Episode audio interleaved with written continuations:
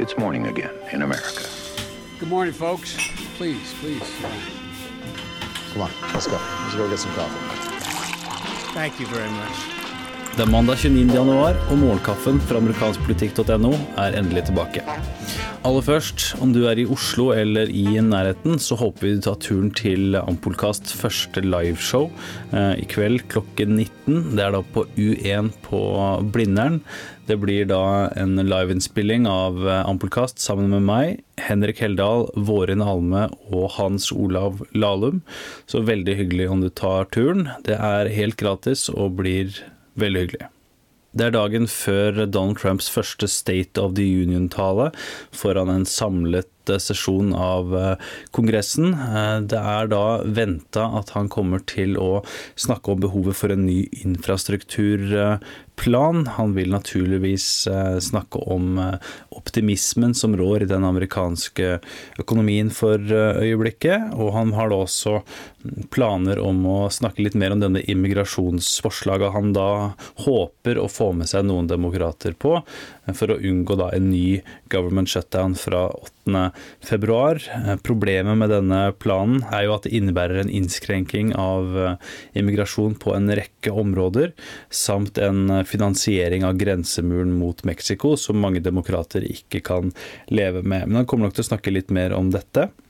Innen handel er det ventet at Trump vil gjenta deler av talen han ga i Davos, der han bl.a. sa at USA er open for business. I tillegg så er det litt interessant å merke seg at en talsperson i Det hvite hus sier at man kan forvente seg at presidenten også da vil snakke rett fra hjertet eller levra, om du vil.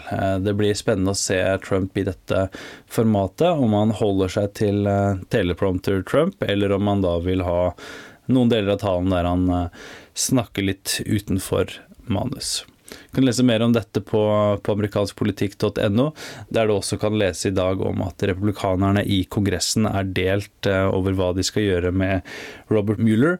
Om de skal vente og se hva Trump gjør i denne saken, eller om de skal gå inn for å, å vedta lovverk som vil beskytte spesialetterforsker Robert Muellers rolle. Det var en kort gjennomgang av noen av dagens saker. Du leser mer om disse og andre sakene, inkludert valgsnacks, på amerikanskpolitikk.no. Dagens utgave er servert av undertegnede Are Tovklaten og Kim Kvale.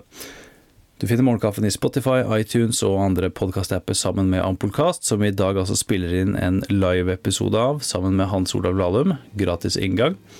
Helt til slutt skal du få høre Hillary Clinton som leser utdrag fra Fire and Fury i en James Corden-sketsj i en video spilt under nattens Grammy-utdeling. Og Clinton vant jo da selv en Grammy for 22 år siden for lydboka av It Takes a Village. Hør her, og så snakkes vi i morgen.